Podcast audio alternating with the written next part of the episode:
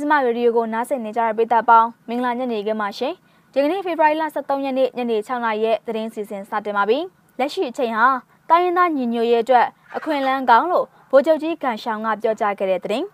ဗိုလ်ချုပ်အောင်ဆန်းမွေးနေ့အထိမ်းအမှတ်ရွာပေါင်းဆောင်တပိတ်စစ်ကြောင်း340ရက်မြောက်ချီတက်ဆန္ဒပြခဲ့တဲ့သတင်း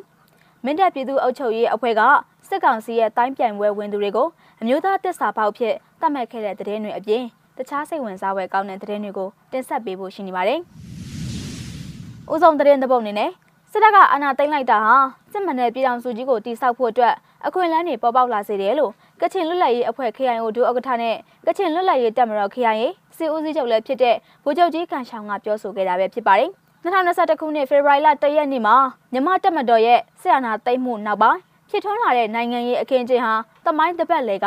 စစ်မှန်တဲ့ပြည်ထောင်စုတည်ဆောက်ရေးအတွက်အခွင့်အလမ်းကောင်းတစ်ရက်ဖြစ်တယ်လို့မှတ်ယူနိုင်ပါပြီဆိုပြီးသူကပြောကြားခဲ့တာပဲဖြစ်ပါတယ်။လက်ရှိချိန်ဟာအရင်ကလိုမျိုးမဟုတ်ပဲတနိုင်ငံလုံးအတိုင်းအတာနဲ့တောင်တန်းမြေပြက်မှာမကြမ်းစစ်အာဏာရှင်ကိုတော်လှန်တိုက်ပွဲဝင်နေကြတဲ့အတွက်ပြည်ထောင်စုနိုင်ငံတော်တည်တည်ဆောက်ဖို့အတွက်လမ်းပွင့်နေပြီလို့သူကဆက်လက်ပြောကြားခဲ့တာပါ။ပင်လုံစာချုပ်နဲ့စာချုပ်ပါဂတိကဝတ်တွေကိုစစ်အာဏာရှင်အဆက်ဆက်ကပြစ်ပယ်ခဲ့ပြီး NLD အစိုးရကလည်း 21ရာစုပင်လုံညီလာခံဖြင့်ပယ်ဖျက်ဖို့အတွက်စ조사ခဲ့တယ်လို့သူကဆွဆွဲခဲ့တာပါ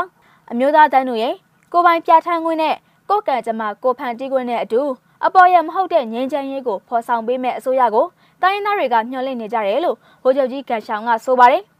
အစိုးရအဆက်ဆက်ကငင်းချမ်းရေးကိုပုံစံအမျိုးမျိုးနဲ့ပုံဖော်ခဲ့တာဖြစ်ပြီးအပေါ်ယံသာဖြည့်ရှင်းမှုအတွက်ကြိုးပမ်းဆောင်ရွက်ခဲ့ကြပါတယ်။ ဒါပေမဲ့ပြည်တွင်းစစ်ဖြစ်ခြင်းရဲ့အခြေခံအကြောင်းရင်းဖြစ်တဲ့နိုင်ငံရေးပြဿနာကိုပြေလည်အောင်ဖြေရှင်းလိုတဲ့စိတ်တဘောထားမရှိခဲ့တဲ့အတွက်ပြည်ရင်းစစ်မီးဟာပုံမတောက်လောင်ခဲ့တာလည်းဖြစ်ပါတယ်။ကျွန်တော်တို့တောင်တန်းတွေတိုင်းရင်းသားတွေဟာလည်းပြည်ရင်းစစ်ပြဿနာကိုနိုင်ငံရေးနည်းလမ်းနဲ့တာဝန်ယူဖြေရှင်းပေးနိုင်မဲ့အစိုးရကိုမျှော်မှန်းနေခဲ့တာဟာလေနှစ်ပေါင်း85နှစ်မြောက်ပြီပဲဖြစ်ပါတယ်လို့သူကပြောကြားခဲ့တာပါ။ဒါကြောင့်အခုလက်ရှိချိန်ဟာဆရာနာရှင်ရဲ့ဖိနှိပ်ခြင်းကိုခံခဲ့ရတဲ့လူနည်းစုတိုင်းရင်းသားတွေအတွက်နိုင်ငံရေးအာမခံချက်ရှိပြီးတော့ ကိုယ်ကံကြမ္မာကိုဖန်တီးခွင့်နဲ့ကိုပိုင်ပြဋ္ဌာန်းခွင့်ပြန်လည်ရရှိရေးအတွက်အမြန်ဆုံးအကောင့်ထဲဖော်ဆောင်ရန်အချိန်ကိုက်ဖြစ်နေတယ်လို့ဗိုလ်ချုပ်ကြီးကန်ရှောင်းကပြောကြားခဲ့တာပဲဖြစ်ပါတယ်။ဗိုလ်ချုပ်ဆန်မွေးနေ့အထိမ်းအမှတ်ရွာပေါင်းဆောင်တပိတ်စစ်ကြောင်း340မြောက်နေ့ကိုချီတက်ဆန္ဒပြခဲ့ကြပါတယ်။စကိုင်းတိုင်းရင်းမာပင်မြို့နယ်အရှိချမ်းနဲ့စလင်းကြီးမြို့နယ်မြောက်ချမ်းမှာရှိတဲ့ရွာတွေစုပေါင်းပြီးတော့ဆရာနာရှင်စန့်ကျင်ရေး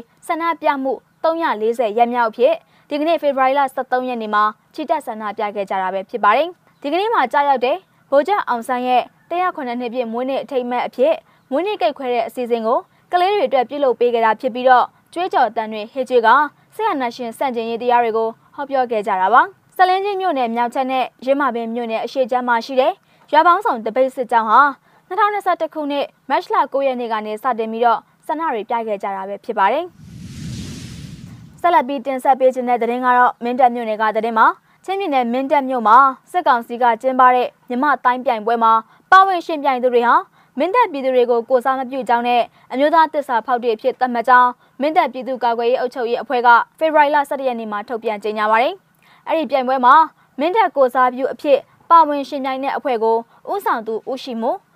မြို့နယ်ကိုစားပြုအမိခံအားကစားသမားတွေနဲ့ ပြည်내နဲ့တိုင်းအားကစားပြိုင်ပွဲတွေမှာပါဝင်သူတွေအားလုံးကိုအခုလိုမျိုးသတ်မှတ်ခဲ့တာပဲဖြစ်ပါတယ်။စစ်ကောင်စီကနေပြည်တော်ကောင်စီနေမြေဝနသိတိအားကစားရုံမှာပြည်내နဲ့တိုင်းမြမတိုင်းပြိုင်ပွဲကိုဖေဖော်ဝါရီလ10ရက်နေ့ကနေ14ရက်နေ့ထိကျင်းပပြုလုပ်သွားမှာပဲဖြစ်ပါတယ်။ဘိုကလေးမြို့နယ်မှာတော့မိုင်းတဲတာဝါတိုင်းမိုင်းခွဲဖျက်ဆီးခံလိုက်ရပါတယ်။ AR တိုင်းဘိုကလေးမြို့နယ်ဗဘဲစုကျေးရွာအုပ်စုကွင်းချောင်းလေးကျေးရွာမှာရှိတဲ့မိုင်းတဲတာဝါတိုင်းကို ဖေဖော်ဝါရီလ23ရက်နေ့နေ့လယ်2နာရီမိနစ်30ခန့်မှာမိုင်းခွဲဖျက်ဆီးခဲ့ကြောင်းဒေသခံတွေကတစင်သိရှိခဲ့ရတာပဲဖြစ်ပါတယ်။အဲ့ဒီဖောက်ခွဲမှုကိုပြည်သူ့ကာကွယ်တပ်ဖွဲ့တွေဖြစ်တဲ့ဘိုကလေး ARB ရာတပ်ဖွဲ့ကြိုက်လိုက် ARB ရာတပ်ဖွဲ့နဲ့ AR လင်းမိုင်တပ်ဖွဲ့တို့ပူးပေါင်းပြီးတော့လှုပ်ဆောင်ခဲ့တာဖြစ်ကြောင်းသိရှိခဲ့ရတာပါ။မိုင်းဖောက်ခွဲမှုအပြင်တာဝါရိုင်အောက်ခြေမှာရှိတဲ့စက်ပစ္စည်းတွေအားလုံးကိုပါမိရှို့ဖျက်ဆီးခဲ့ကြောင်း ARB ရာတပ်ဖွဲ့ဝင်တို့ကပြောကြားခဲ့ပါတယ်။ ကျွန်တော်တို့အဖွဲ့၃ဖွဲ့ပေါင်းပြီးမိုင်းခွဲခဲ့တဲ့အပြင်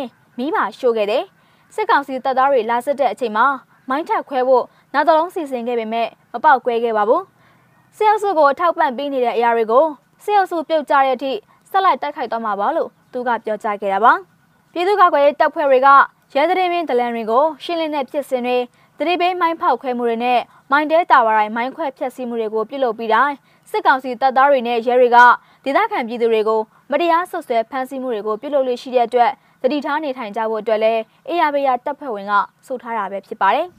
။ဖေဖော်ဝါရီလ23ရက်နေ့ညနေ6နာရီထိနောက်ဆုံးရရှိထားတဲ့သတင်းတွေကိုမြစမရေဒီယိုကနေထုတ်လွှင့်တင်ဆက်ပေးကြတာပါ။နားဆင်ပေးခဲ့တဲ့အတွက်ကျေးဇူးတင်ပါတယ်ရှင်။